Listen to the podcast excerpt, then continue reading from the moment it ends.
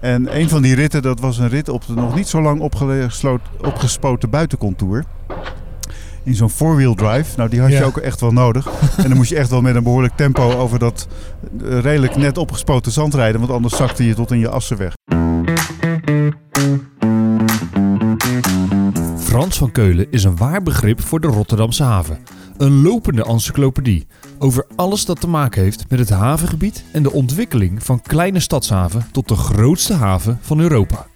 Maar Frans gaat met een welverdiend pensioen en daarom deelt hij zijn verhaal van de Rotterdamse haven in deze speciale podcastserie. Ga mee op ontdekkingsreis door de haven.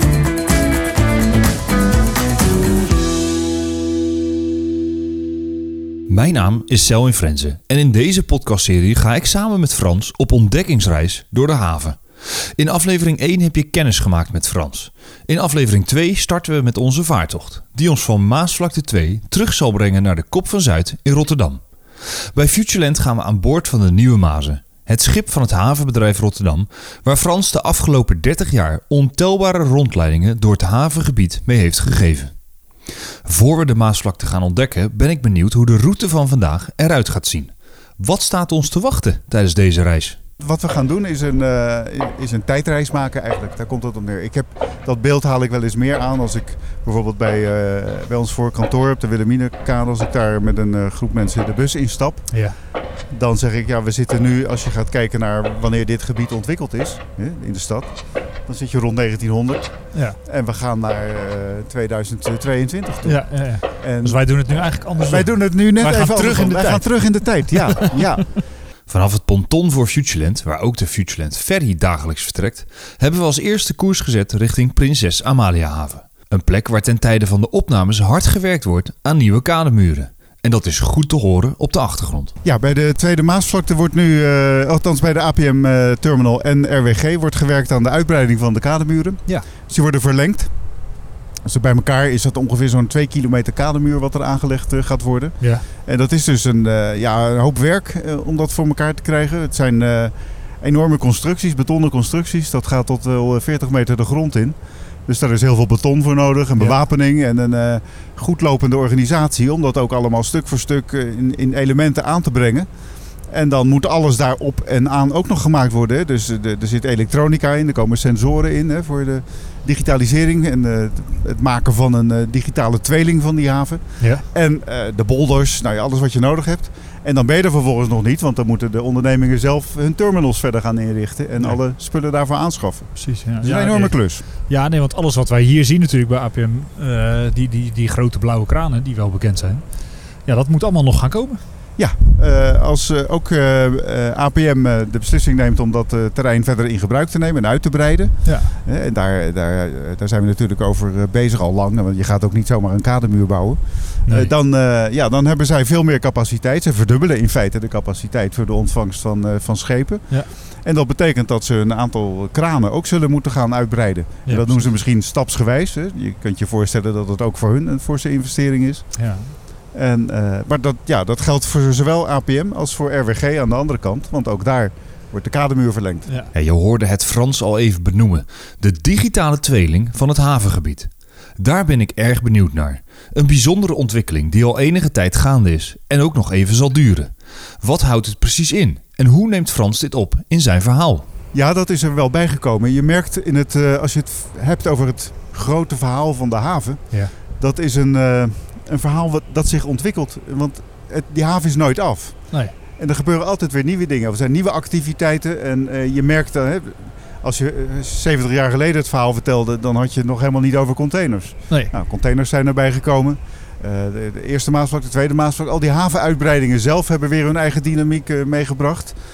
En dat betekent dat zo'n verhaal ook aan verandering onderhevig is. Met name door, ja, eh, door de actualiteit die er is. Of ontwikkelingen die er zijn op het gebied van de technologie. Nou, digitalisering is er daar eentje van. Ja. En dat wordt dus een onderdeel van het verhaal. Ja, het, moet, het, hoort, ja, het hoort er gewoon bij. Ja, dat hoort er. Ja. Dat, dat is net als energietransitie, digitalisering. Ja, Ja, ik vind, het, ik vind het wel heel mooi dat er gewoon... Heel veel mensen die, die bedenken dat niet. Maar dat er dus gewoon van het, bijna het hele havengebied... Gewoon een, een, dat die digitaal ook bestaat om gewoon alles uit te kunnen lezen. Ja, op enige, dat is natuurlijk nog wel een klusje. Zover zijn we natuurlijk nog niet. Uiteraard. Maar dat is het, het uiteindelijke doel waar we naartoe willen. Ja. Als je, als, je, als je de kademuren wil voorzien eh, van sensoren, dan hebben we nog wel wat kilometers te gaan. Hè? Er is Ja. zo'n eh, bijna 80 kilometer kademuur in de haven. Dus, eh, Ja. Maar goed, je begint met de nieuwste eh, stukken. Daar kan je het gelijk inbouwen. Ja. De stukken die er al waren, die waren al voorbereid op die eh, aanwezigheid. Dus ja, hier begin je daarmee. Hè? Dat, is, eh, ja, precies. dat is duidelijk. Nee, ik ben hier ook bij de Amaliahaven. Daar ben ik een keer geweest toen het eh, net begonnen was met bouwen. Toen waren ze die hele grote palen nog de grond in aan het trillen. Aan het trillen, niet heien. We horen nu wel dat er geheid wordt. Ja. Maar dat is denk ik iets anders. Want die, die palen die trillen er dus heel makkelijk in. Dat vond ik zo mooi om te zien. Ja, kijk, de zand. Nou ja, op een gegeven moment wordt het wel moeilijk. Maar de, de zandplaat die hier neergelegd is. Dat zand is natuurlijk op zich wel een tamelijk harde materie om doorheen te komen. Dus Ja. het gaat niet zomaar plaat. Het is geen veen Nee, hè, waar je zo doorheen zakt. Nee.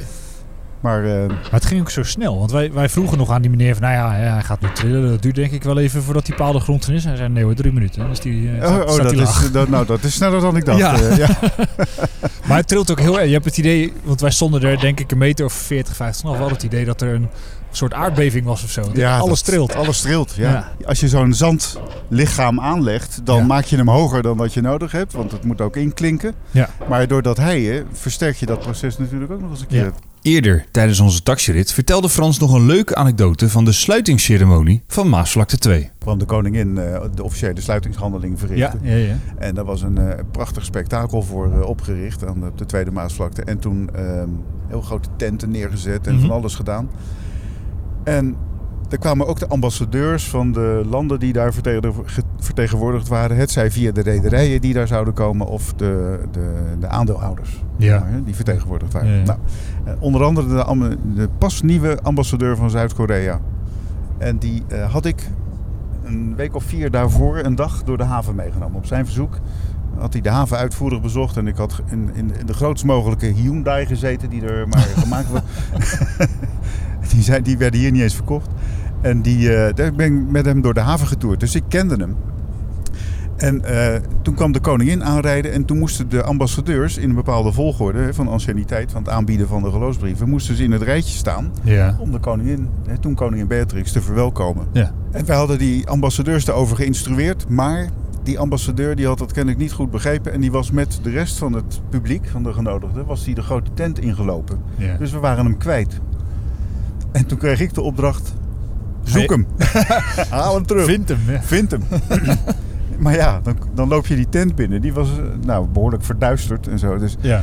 ik, nou, ik scannen, scannen. Nou, en ik, op een gegeven moment toen had ik hem in de peiling. Dus ik, heb, ik greep hem in zijn kraag. Mr. Ambassador, you're at the wrong side. Nou, hoppakee, meegetrokken. nou, toen net, eh, nou, hij stond net in het rijtje. Toen kwam eh, onze koningin eh, binnenlopen. Nog voor de sluitingsceremonie was Frans ook al op Maasvlakte 2, toen deze nog in aanleg was. En dat bezoek was wel altijd even spannend. Ja, ik heb eh, het genoegen gehad om eh, zo, zo af en toe eens een keer langs die, ja, die tweede Maasvlakte in aanleg eh, te rijden. Of in ieder geval daar op bezoek te komen. Ja. En af en toe eens te horen en te zien wat daar gebeurt. Het is belangrijk voor het verhaal wat we aan het vertellen waren. Want we hadden daar wel foto's van. Ja. Maar het is vaak interessanter om dat ook zelf eens een keer meegemaakt te hebben en gezien te hebben. Want dan praat je er toch weer anders over. Ja. Dus wij zijn wel eens door de, eh, door de mensen daar die dat, die projecten runnen, zijn we wel eens uitgenodigd. En een van die ritten, dat was een rit op de nog niet zo lang opgesloot, opgespoten buitencontour. In zo'n four-wheel drive. Nou, die had je Ja. ook echt wel nodig. en dan moest je echt wel met een behoorlijk tempo over dat eh, redelijk net opgespoten zand rijden. Want anders zakte je tot in je assen weg. dus eh, dat was met, met grote vaart over, over de buitenkant. Hè, over wat nu het strand is. Ja. Ja, dat was wel fantastisch. Tot op Ja. de plek waar eh, dat eindigde. Want daar was nog de opening die je had. Oh ja. ja. En dat is, dat, daar is later die sluitingsceremonie voor geweest om dat dicht te maken. ja. Ja, want je kon niet zomaar alles afsluiten. Want dan had je weer te maken met de doorgraving van het Yangtze-kanaal. Want dat was eerst de Yangtze-haven. Daar eindigde dat bij Oh, oké. Maasvlakte 1. Ja. Daar stopte dat. Maar dat, dat moest geopend worden. ja, precies. Nou, dat, dat is dus allemaal keurig berekend en op eh, zekere momenten uitgevoerd. Ehm, tot die tijd was dat nog deels open. Ja, want even voor de beeldvorming. Maasvlakte 1 was de eerder natuurlijk. Die is in de jaren 60 al aangelegd uit mijn hoofd. Ja, dat goed onthouden? eind jaren 60 zijn we Ja. daarmee begonnen, begin jaren 70. Ja. Dus ja. En ehm, ja, hoe zag dat er dan eerst uit? Was dat gewoon letterlijk zoals het nu is, alleen en is later Maasvlakte 2 erbij gekomen? Of is daar nog heel veel aan veranderd? Nou, de, je moet je voorstellen dat voor de kust, vlak voor de kust, vlak voor zeg maar, het Europoortgebied, Ja. daar had je al de nodige zandplaten liggen. Dus het was al een soort bij drooggevallen, eh, de laagwater, zag je al wat van die, van die vlaktes liggen. Ja. Dus daar is Maasvlakte van eh, gemaakt. Dus er is nog veel meer zand opgespoten. Ja. En dat is, in het begin was dat eigenlijk een eh, nou, tamelijk kaal stuk land. Er stond een elektriciteitscentrale. en de, de piekshaver van eh, de gasunie. Dus daar kwam vloeibaar gas binnen. LNG-terminal had je daar dus toen al. Ja, ja. Eh, en voor de rest was er niets. Het was één grote zandvlakte. Men Ja. was in de veronderstelling in die tijd dat dat zich zou vullen met onder andere hoogovens, staalfabrieken. ja. Dat was de wens. En, eh, maar goed, we hebben, zaten toen in een periode dat het economisch ook niet zo goed ging. Eh, oliecrisis gehad. Kortom, die plannen zijn allemaal niet zo doorgegaan. Nou, er was ook wel protest tegen dat dat allemaal zou gaan gebeuren. En toen is aan het begin, eh, toen is Maasvlakte 2 gekomen. En toen zei jij, ik word al een hele harde knallen hoor hier. Ehm, toen zei toen, toen was het nog even de vraag, ja, hoe gaan we die Maasvlakte 2 nou inrichten? En Was dat toen ook al, waren er toen nog andere ideeën voor? Of was het toen eigenlijk al het idee zoals het nu is met de, nou ja, we, hebben de, we zien Uniper, we zien de containerterminals, we zien een distripark daar in de verte.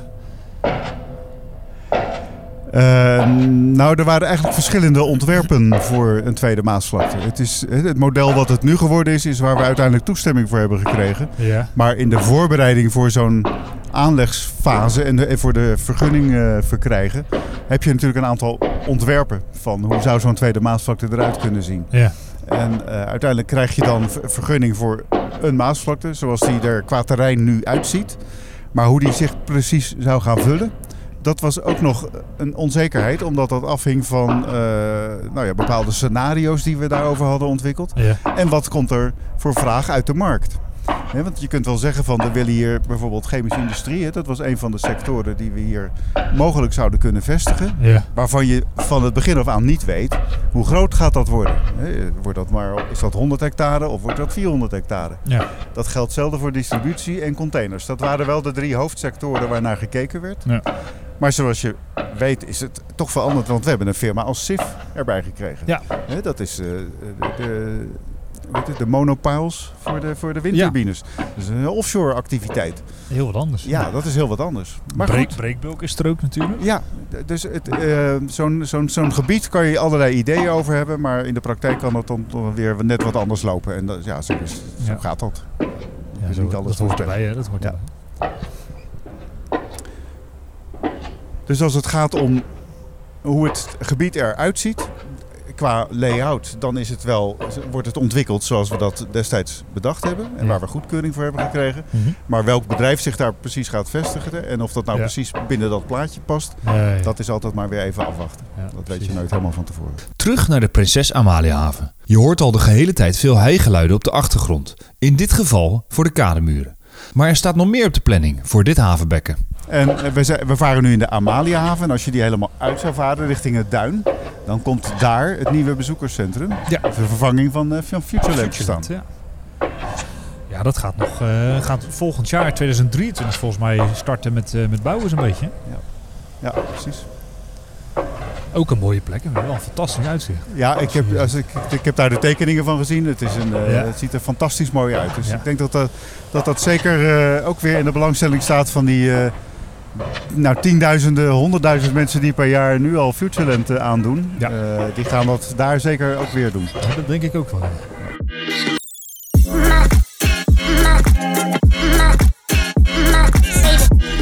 De containerwereld groeit ongelooflijk snel. De recordschepen volgen elkaar in rap tempo op. Wist je dat het eerste containerschip eind jaren 60 naar Rotterdam kwam? Voor dit gebied waar we nu doorheen varen, als je kijkt naar de ontwikkeling van eh, de, de containerwereld, de, de manier waarop terminals werken, dan is daar wel een, een groot verschil met hoe dat vroeger ging. Ja. En met, met name de, de, de, de eerste keren dat hier containers binnenkwamen, had je niet niet van die portaalkranen die je hier nu Nee. hebt zitten. Hè. Er was er geen, eh, geen automatisch geleide voertuigen, geen, eh, geen stacking cranes. En- Daar is allemaal apparatuur voor moeten eh, ontwikkeld worden. En bedoel je dan de eerste keer dat hier op de Maasvlakte containers binnenkwamen? Of gewoon heel, in Nee. heel de haven? De, in de eerste keer, hè, in de jaren, eind jaren 60, in, in, de, in de Eemhaven bij Quick Dispatch van, van Frans Zwartouw. Die had daar een terminal zitten en daar kwam het eerste containerschip binnen. Daar stonden er nog niet zoveel op. Wat zeg je? Daar stonden er nog niet zoveel op. Nee, nee, nee, iets van 260 of zo. Ja. Dat- maar goed, eh, ja. Hoe, hoe ga je die dan laden en lossen? Nou ja, op die hoeken van die containers heb je van die openingen. Dus daar kan je ook Ja. een, eh, een, een ketting in zetten en dat daaraan vastmaken. Ja. Maar ja, dat is op elk hoekpunt. Dus vier kettingen, dan moet je eruit tillen, dan moet je het op een vrachtwagen zetten, dan moet je het daar weer losmaken. Dat, komt er, dat was best een eh, arbeidsintensieve klus. En eh, ja, dat is nu, als je gaat kijken naar die moderne kranen, is dat totaal veranderd. Ja. Eh, dat, is, dat gaat sneller, het gaat veiliger. Nee, dat is ook een hele belangrijke. En het gaat geautomatiseerd voor een belangrijk deel. Ja. En ook het vervoer erachter op de terminal. Daar heb je van die automatisch geleide voertuigen, AGV's. Nou, die hebben ook een ontwikkeling doorgemaakt. Ja. Zo, zo heeft, zo elke keer in die ontwikkeling van die terminals, in de techniek, zie je van die stapjes. Die maken dat het proces beter, slimmer, maar ook duurzamer wordt. Want op deze terminals eh, van APM en eh, RWG, daar rijden die, eh, die AGV's op, op elektriciteit, op batterijen. Ja. En die batterijen wordt op, die stroom wordt opgewekt met windmolens. Dus dat is een hele duurzame manier van, van werken op je terminal. En op de wat meer traditionele terminals rijden die dingen nog op diesel. Wordt allemaal wel vervangen. Dus zo, er wordt wel aan gewerkt om dat te doen. Ja. Maar ja, dat kost tijd, investeringen. Je, ja. moet, ja, je moet je terminal daar anders op inrichten. Door hun immense formaat zorgen containerschepen regelmatig voor verwondering. Maar hoe groot zijn ze nou daadwerkelijk? Nou ja, dat, dat is ook zo. Zeker als je naar dat grootste formaat zit te kijken. Ja. Hè, van eh, 400 meter lang en eh, 62 meter breed. Ja, om maar Ja. te zwijgen van de Pioneering Spirit die er wel is. Ja, dat is, dat is dan nog. Die is 123 meter breed, geloof ik. Ja, die, is niet, die is ietsje korter, maar eh, wel een stuk breder. Ja, dat is helemaal En waanzinnig. hoog ook, want daar staat gewoon een soort flatgebouw op. Ja, ja, ja, ja, ja je, dat is niet allemaal bemanning, hè? In de, want er wordt natuurlijk gewerkt met, die, eh, met, die, eh, met dat soort schepen voor het leggen van kabels of het eh, ontmantelen van eh, olie- en gasplatforms. Ja. Dus daar heb je natuurlijk ook gespecialiseerde mensen voor, eh, voor Ja. nodig. Dus ik geloof dat er zo'n 500 man aan boord kunnen ongeveer. Ja. En van alle gemakken voorzien natuurlijk. Hè? Want ja, mensen zijn weken, zo niet maanden onderweg. Precies, ja. Nee, dat moet ook wel, ja. Dat kan je niet op een, hoe mooi de nieuwe Maas ook is, maar maanden aan boord, dat wordt toch lastig. Dat wordt lastig, ja. Ja. Maar het is imp- imposant. Eh, Ja, en dat is het goede woord. Het, het gekke is dat je het, het gevoel voor dimensies hier wel een beetje begint kwijt te raken. Omdat het allemaal heel wijd en open is. En je dan toch niet snel in de gaten hebt dat als je naar zo'n groot containerschip zit te kijken, dat dat 400 meter lang is. Dat Ja. is echt een end hoor. Ja, dat is heel ver. Eh, dat is ongeveer net zo breed als het Su- Suezkanaal, zullen we maar zeggen. Om maar even een plekje op de wereld aan te Ja. duiden. En, Toevallig eh, gekozen plekje. Van. ja, en die, eh, maar dat soort schepen kunnen hier dus ook bij wijze van spreken dwars in die haven liggen. En dan, dan, is, het de ook, dan is er ook nog niks aan de hand. Nee. Nee, ja, voor de beeldvorming van de mensen, de Zalmhaventoren, de hoogste toren van de Benelux, is 215 meter hoog. Ja, Dus Dus doe als je daar twee een, en eh, je hebt een containerschip. en je hebt een containerschip. In ieder geval, de, naar verwachting de grootste. Die, eh, de, de, er is er nu net één gebouwd, die is net, eh, net iets over de 24.000 eh, TEU. Hè, de 20 voetscontainers, dat statistische eenheid, zullen we maar zeggen, voor de berekening van de capaciteit. Ja. En dat, die wordt dan de grootste in, in, in aantal. Maar dat zal denk ik eh, nog niet de grootste zijn in formaat. Dus eh, er wordt er rekening gehouden met 30 meter langer en nog een keer zo eh, een stukje breder. Een Ja. container breed. Ja. Dus eh, Ja, moet, moeten er alleen behalve China wel havens zijn die er plek hebben. ja, dat Dat is. is wel een dingetje. ja, dus wat is uiteindelijk de, de hanteerbare grootte van zo'n schip? Ja, nou, da- precies. Ja. Nou ja, bij de aanleg van de Tweede Maasvlakte is er rekening gehouden met schepen tot eh, t- 12.500, 14.000 TEU. Ja. Dat was toen, in de berekeningen en de, en de tijd waarin we leefden, was dat wel het moment om te kijken van hoe groot wordt zo'n containerschip. Nou, Ja. dachten we, dat zijn wel hele grote. nou, dat zijn ook wel hele grote, maar ja, als je ziet wat, er, dat, 10.000 ze zijn wat erbij gekomen is. Ja. Ja. En dat is- heeft zo weer zijn eigen uitdagingen. Want ja, hoe groter, hoe hoger ook op het water in, in dit geval. Want het is heel hoge opbouw. Ja. Ja, dat zijn ook enorme windvangers. Ja. Dus eh, er zijn beperkingen aan wat je dan eh, kunt doen. Dus eh, als het heel, echt heel erg hard waait, dan kunnen ze niet naar binnen. Nou ja, je ziet het wel eens als het, als het zo'n zo'n zo'n zo'n zo'n winter-herfstorm is hier zo. Dan gaan alle kranen omhoog en dan, dan Ja, doen dan, ze ligt, gewoon niks dan meer. eh, ligt het stil. Ja, Ja. Nee, dat, dat gaat dan ook niet meer. Dat is ook niet Ja. verantwoord om het dan te doen. Je hebt de zorg voor het schip, de lading, de bemanning, eh, de mensen die op die terminals werken. Het, het moet, eh, ook al doe je het op afstand, maar er zit ook onderhoud bij. Het moet allemaal wel veilig Ja. gebeuren. Dat Precies. is wel een uitgangspunt. Als je dat eh, vergeet. Nou ja, We zien hier enorme buizen liggen. Ja, dit is ook een fenomeen. Dat hadden we eh, 15 jaar geleden ook niet gedacht hier in de haven te hebben. Maar we varen nu langs de SIF. Dat is de firma die eh, de monopiles, de funderingspalen voor eh, de windmolens eh, die op zee worden geplaatst eh, maken. Worden in, eh, in Roermond is een fabriek waar ze enorme grote stalen ringen maken van verschillende diameters. Op basis van de wensen van de klant en de locatie waar die komt te staan. Ja. En die ringen worden hier aan elkaar gelast, lasrobots. Ja. En. Hè? Dus de, het, roest, het roestbruine gedeelte is wat in de, in de, in de grond komt. Oké, ja. Dat heeft verder geen last van het water. Het deel daarboven, het, het, het lichtere gedeelte, wittig, crème, beige. Ja, ik ben kleurenblind, dat is ook... dat helpt, dat helpt niet altijd, ja.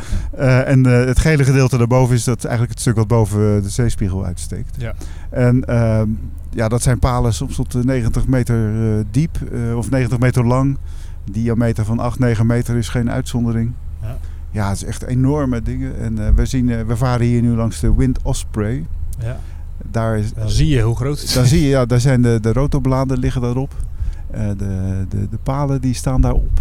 Dit schip is ook heel bijzonder, want eh, dat kan zichzelf uit het water optillen. Ja. staan- Zoals hij nu ook gedaan heeft. Zoals hij nu ook gedaan heeft. Het is een eh, jack-up vessel, dus hij heeft vier poten. Die staan op de bodem van de- deze haven. En dan tilt hij zich zodanig omhoog dat hij makkelijk bij alle onderdelen kan. Die dan via een kraan weer aan boord gehesen worden. Ja. En als alles aan boord is, dan kan hij zich laten afzinken. Worden die palen weer eh, omhoog eh, geschoven. Dan komt hij in het water te liggen, dan kan hij wegvaren. En dat trucje herhaalt hij op zee, op de plaatsen waar het geplaatst moet worden. Of waarvan, eh, als het op zee met een ander schip gebeurt, dan kunnen ze hiervan afgetakeld worden. Het is enorm, ja, heel Ja. bijzonder. En weet jij dan ook die palen, hoe, hoe diep kunnen die? Hoe, hoe diep kan die zich op zee ophijsen, zeg maar, dat die vast ligt? Deze? Ja, nou ik denk dat eh, eh, wat die nu al boven water is, is zomaar een meter of vier. Dus ik denk dat die zomaar, eh, nou, wat zou dit zijn? Een meter of 30, 40? Ja, er zit al Nou, een hoger? stuk onder water natuurlijk. Ja, ja.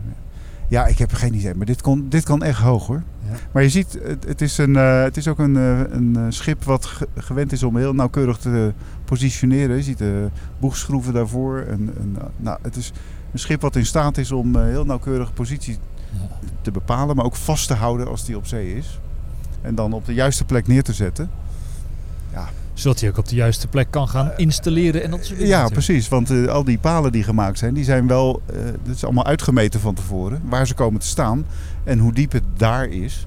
Want het kan 5 meter of 100 meter verder, kan het 2 meter verschillen. En dan heb je toch weer een andere paal nodig.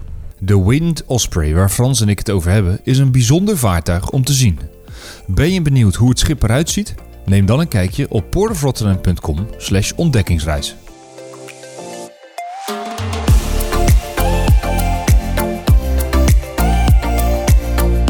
Je hoort het al. Frans weet ongelooflijk veel. Ik vraag me af hoe hij al die informatie in zijn hoofd heeft gekregen. Ja, dat is, dat is een combinatie van nieuwsgierigheid, want ik wil het wel graag weten. Ik vind het wel interessant. Ja. Zo- Zo'n nieuw gebied, hoe ontwikkelt zich nou? Wat gebeurt er? Wat zie ik nou? Waar rijd ik langs? Eh, en, aan de, en aan de andere kant wordt die informatie ook gegeven door heel veel collega's van mij. Want ik ontvang wel heel veel groepen en gezelschappen, maar dat doe ik lang niet altijd in mijn eentje. Nee. Dus eh, ik heb met heel veel mensen van Port of Rotterdam International of van onze commerciële afdeling eh, groepen ontvangen waarbij aan mij gevraagd wordt: doe, eh, doe jij nou het algemene introductie? Even kort, nou ja, kort, half uurtje, drie kwartier soms. Even iets van die haven uitleggen. Ja. Wat is die haven van Rotterdam? En wat is de rol van het havenbedrijf daar nou eigenlijk in? Wie doet nou eigenlijk wat en hoe is dat zo ontstaan? Dus wat ik doe vaak in dat soort verhalen is een beetje eromheen vertellen. Ja, precies. En dan komt mijn collega met het verhaal wat specifiek gaat over een bepaalde markt. Dat gaat over agrofood, of dat gaat over automotive, of dat gaat over de containersector. Of, nou ja, wat voor sector dan ook. En die komt ook allemaal met informatie. Ja. En dat hoor ik dan ook. En dan denk ik, hé, hey, dat is leuk. En dan denk ik, oh, dat kan ik wel gebruiken. Dat, vindt dan ergens een plekje Dat in vindt je dan hoofd. weer een plekje in mijn hoofd. Ja, en dat gebruik ik dan op het moment dat ik denk van... hé, hey, daar kan ik iets over vertellen. Of ik vaar er nu langs. Of ik rijd er langs. En dan, eh, dan kan ik dat gebruiken in het verhaal. Of als ik mensen alleen maar op kantoor ontvang... en gebruik maak van mijn presentatie met heel veel fotomateriaal... Ja, dan kan ik ook die foto gebruiken om uit te leggen van... dat, dat zijn we daar nu aan het doen. Of dit zie je dit- nu. Ja, precies. zie je. Ja, ja. En ja, wat ik zei, zo'n verha- zo'n verhaal van de haven ontwikkelt zich met die haven zelf ook. Dus ja, je, om dat verhaal actueel te houden, moet je ook wel bijblijven. Dus Ja. Lezen en luisteren. We varen inmiddels in het Yangtze-kanaal, op de Maasvlakte, waar de kapitein besluit even lekker de vaart erin te gooien. We varen langs de Euromax-terminal, waar net een gigantisch containerschip aanmeert. We zijn net het eh Yangtze-kanaal ingevaren. En dan hebben we aan de ene kant hebben we eh, Nesten Ja. zitten die daar aan het bouwen is of eh, gaat. En al een fabriek heeft. En daar tegenover aan de andere kant van het Yangtze-kanaal heb je Euromax Container Terminal. Ja. En daar ligt nu een enorm groot schip van Costco Shipping. En de volgende klant eh, komt er al aan. Want ik zie daar in de verte zie ik een schip van Evergreen eh, Ja. de hoek omkomen. Oh, ja, ja. En die is ook een vaste klant op deze terminal. Ja. Je ziet daar al het eh fletje van de roeiers. Ja, En die gaan... je moet wel goed zoeken. ja, het is- helemaal weg tegen zo'n groot schip. het- is wel een heel klein dingetje. Ja, maar goed, ja, die mensen, onmisbare schakel in het veilig vastleggen en afmeren van die schepen. absoluut. Ja, zonder hun kunnen ze niet aanleggen. Nee, dat wordt erg lastig. Zo'n, eh, zo'n, eh, Nou, ze liggen al uit elkaar, dus daartussen zal die gaan komen te liggen. Ja. Ja. Alleen even kijken, welke is dit? je ziet twee vletjes hè, van, de, van de roeiers. Er ligt er eentje bij de, bij de boeg en eentje eh, waar de achterkant gaat komen. ja. Want het- die dingen zijn te lang om veilig tussendoor te varen. Dus Precies. hè, die wil niet tussen wal en schip geraken. Ja. Dus die pakken de tros op, brengen die naar de kant. En dan zie je ook aan de, aan de kadekant staan, bij zo'n fletje van die roeiers, er staat een lierwagen. Ja. En daarop staat een lier en dan wordt die tros verder binnengetrokken en om die bolder gelegd. Nou ja, dat kunnen wel eh, een stuk of eh, zes, acht, twaalf trossen zijn. Dat ligt er een beetje aan. eh. Ja, het ligt ook aan de wind, denk ik. En de wind en wat, ze, wat het schip ook wil, of de kapitein of de loods. Ik weet niet precies wie dat bepaalt, maar Weet jij nou hoeveel man er aan boord werkt van zo'n containerschip? Zo'n groot containerschip, ja, dat is verrassend weinig eigenlijk. Eh, zeg zo'n, ja, het ligt een beetje afhankelijk van de rederij of het, of het schip en de, de mate van eh, hoe, hoe dat aan boord geregeld is. Maar zeg maar eh, 2, 3, 24 mensen. Zo. En die draaien in ploegendienst dan natuurlijk ook. Ja. Hè? Dus, eh, dus je hebt een kapitein en de eerste, tweede, derde officier en de werktuigkundige. Ja. En dan een aantal matrozen. Ja, en die draaien allemaal hun shift. En dan zo gaat dat eh, 24 uur per dag door. Ja. En dan zit, een, eh, er zit een, natuurlijk een regelmaat in. En die wordt doorbroken op het moment dat je in een haven binnenkomt. Want dan heeft iedereen ineens weer heel erg druk met allerlei dingen die in de haven moeten gebeuren. Ja, ja. Want dan komt de douane aan boord en de milieuinspectie en nou ja, de, de, de scheepsagent. Dus er moet heel veel geregeld worden om ervoor te zorgen dat zo'n bezoek ook eh, eh, ja, eh, gladjes verloopt. Ja. Los van de, de sleepboten en de roeiers en de loodsen. Er moet misschien ook water aan boord komen, nieuwe brandstof, een bemanningswissel. de- er is misschien iemand ja, ziek. Precies, ja. Ja, dat moet allemaal van tevoren eh, wel aangemeld worden, zoveel als mogelijk. Zodat als het schip komt, je dat dan ook soepel kunt eh, afwikkelen. Terwijl we richting de uitgang van de Maasvlakte varen, passeren we de Futureland Ferry, het rondvaartschip van Futureland. Ik kan dat iedereen aanraden die een bezoekje wil brengen aan de haven. Eh, dat kan je vanuit de stad doen, er zijn een aantal plekken. Je kunt naar eh, Port Pavilion gaan in de Leuvenhaven. Dat is ook een eh, prachtige plek om informatie te krijgen over, over de haven, maar vooral ook over die je kunt eh, bezoeken. Alle manieren waarop je dat kunt doen en daar leuke dagtochten van maakt. Maar als je naar Futureland gaat, dan, dan kun je daar gebruik maken van de excursies die ge- geregeld worden via de Futureland Ferry Ja. of de Futureland Express. Dan stap je in de bus en dan rij je door dat stukje havengebied. Ook zeer interessant. Ja. Allebei, allemaal de moeite waard. Want je gaat dus pal langs die gigantische containerschepen. Ja, je komt daar, eh, komt daar vlak langs. Ja, dat is altijd, dat, dan weet je pas wat 400 meter lang is. In de volgende aflevering van Op Ontdekkingsreis door de haven. Komt de Eco Delta voorbij. En dat is een eh baggerschip. Oké. Een sleephopperzuiger. Ja. En die wordt door ons ingezet, naast nog wat andere vaartuigen en middelen, om, om de haven op diepte te houden. Wil je meer weten over de haven en de plekken die Frans en ik bezoeken tijdens onze reis? Neem dan een kijkje op portofrotterdam.com slash ontdekkingsreis. Bedankt voor het luisteren en graag tot de volgende aflevering. Als we onze ontdekkingsreis door de Rotterdamse haven vervolgen.